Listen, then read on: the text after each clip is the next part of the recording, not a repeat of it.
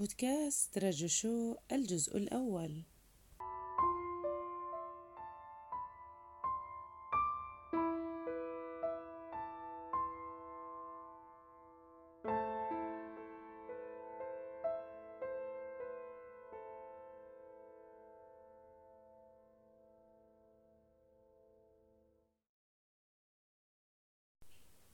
السلام عليكم ورحمة الله وبركاته. قناة رجو شو تحييكم وتتمنى لكم أوقات ممتعة وأنتم تستمعون لنا.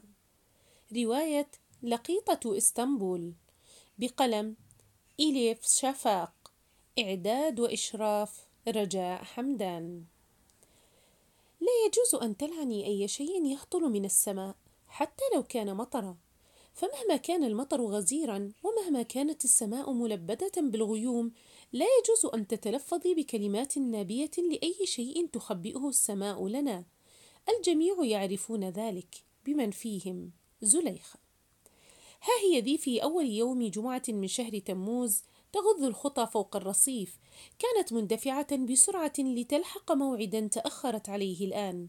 فراحت تسب وتلعن بكلمات بذيئة كان المطر يهطل بغزارة ولم يكد يتبقى في قلب زليخة أي أية مشاعر من الصفح والغفران فهي لم تكن تحمل مظلة لأنها ليست بلهاء إلى حد أن تلقي بحفنة من النقود إلى بائع متجول آخر لتشتري مظلة أخرى ثم تنساها في مكان ما بعد أن تشرق الشمس من جديد.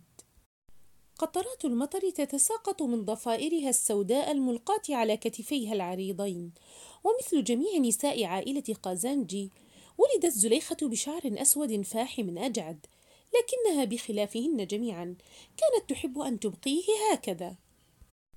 فجأة توقفت بالقرب منها سيارة أجرة صفراء وكان السائق الشديد السمرة قد أنزل جميع نوافذ سيارته وبدأ يتكلم معها فقالت زليخة ما خطبك أيها المعتوه؟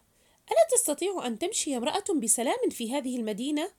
ثم بدأ سيل من الشتائم ينطلق من فم زليخة وبذلك تكون خرقت قاعدة غير مدونة من قواعد الحصافة الأنثوية.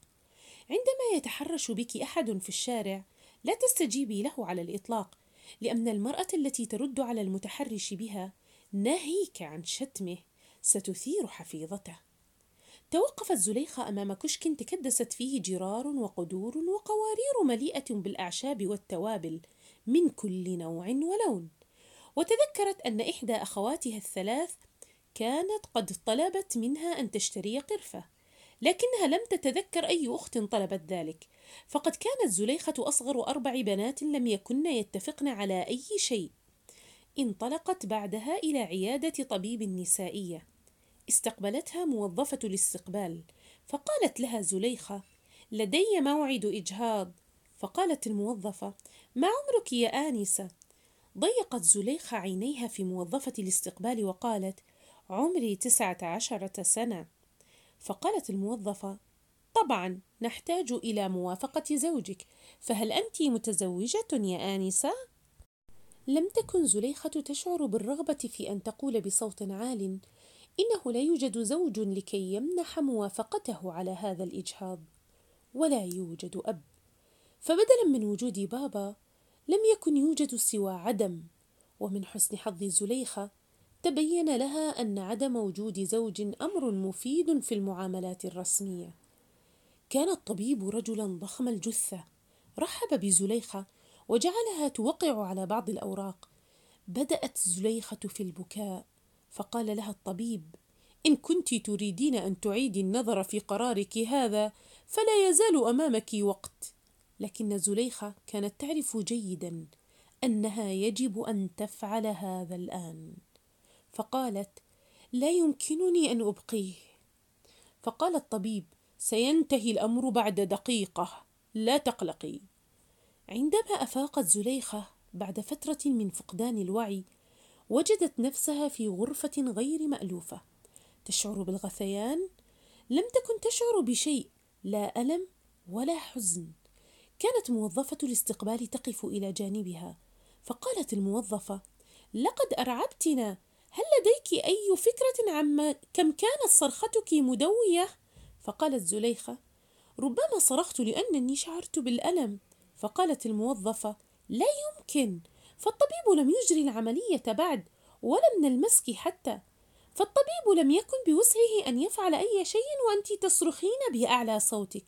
فقالت زليخة إذا فهي لا تزال هنا. فقالت الموظفة لا نعرف بعد إن كانت هي أو هو. ولكن زليخة كانت تعرف. وهكذا عادت زليخة في حوالي الساعة الثامنة مساء إلى البيت. ووجدت جميع نساء عائلة قازانجي قد تحلقن حول مائدة العشاء العريضة في الطابق العلوي وكن منهمكات في تناول طعامهن سألتها أمها كلثوم متذمرة أين كنت يا بنت؟ فقالت زليخة كنت اليوم عند الطبيب النسائي لأجري عملية إجهاض حينها سقط جناح الدجاجة من يد أختها بانو بينما زمت أختها الثانية شكرية شفتيها بشدة وصرخت الأخت الثالثة فريدة ثم أطلقت العنان لنوبة من الضحك.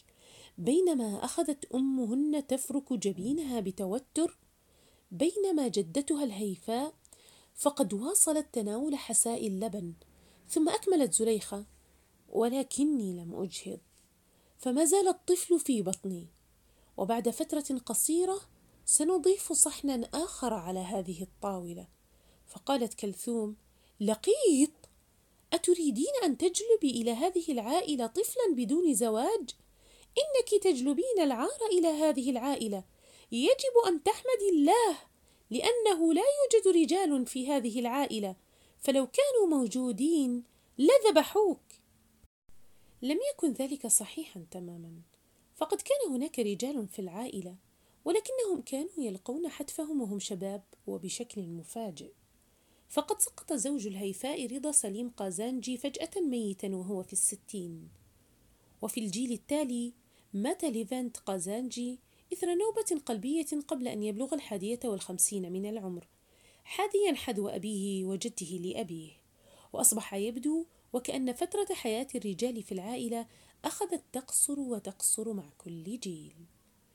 وهناك جلال أحد أبناء العم البعيدين الذي كان حب حياة شكرية والزوج الذي فقدته في مشاجرة. وبعد أن فقدت شكرية حب حياتها باعت بيتها وانضمت إلى بيت عائلة قازانجي كمعلمة تاريخ ثقيلة الظل. وكان هناك صباح الدين زوج بانو العطوف الطيب القلب.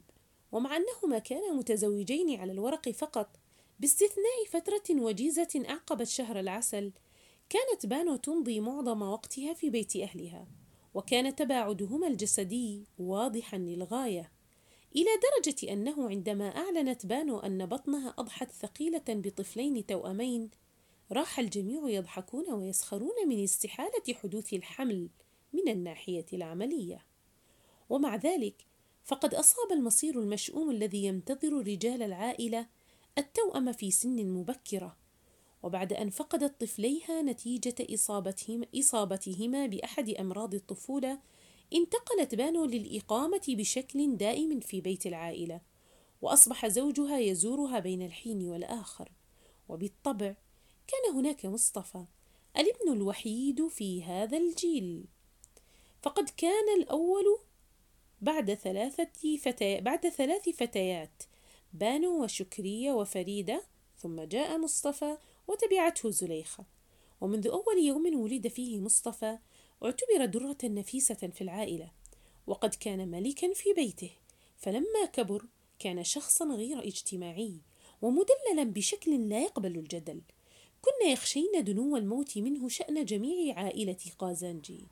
لذلك باعت الهيفاء مجوهراتها في الثامنة عشر من عمر مصطفى وغادر ابن عائلة قازانجي إلى أريزونا.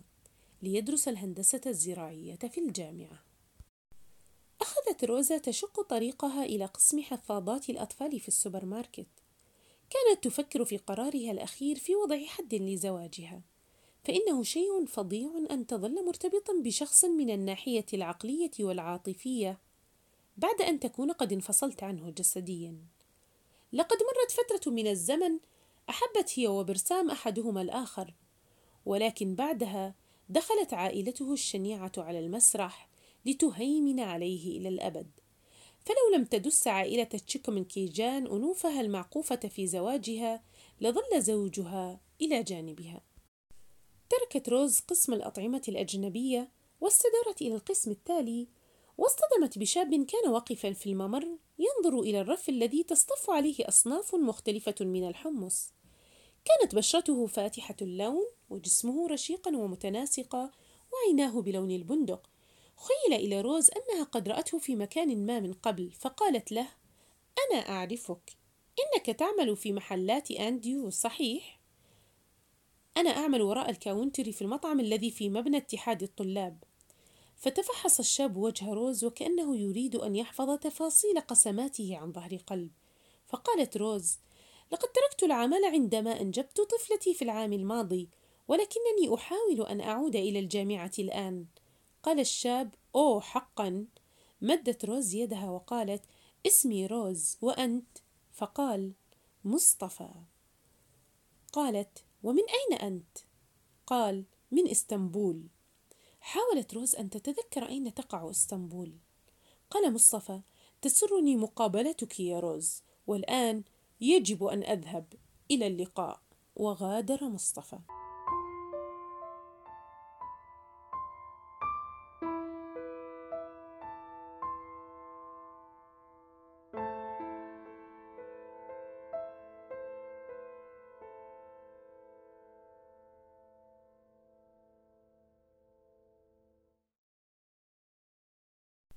نهاية الجزء الأول بودكاست رجو شو إلى اللقاء في الجزء الثاني.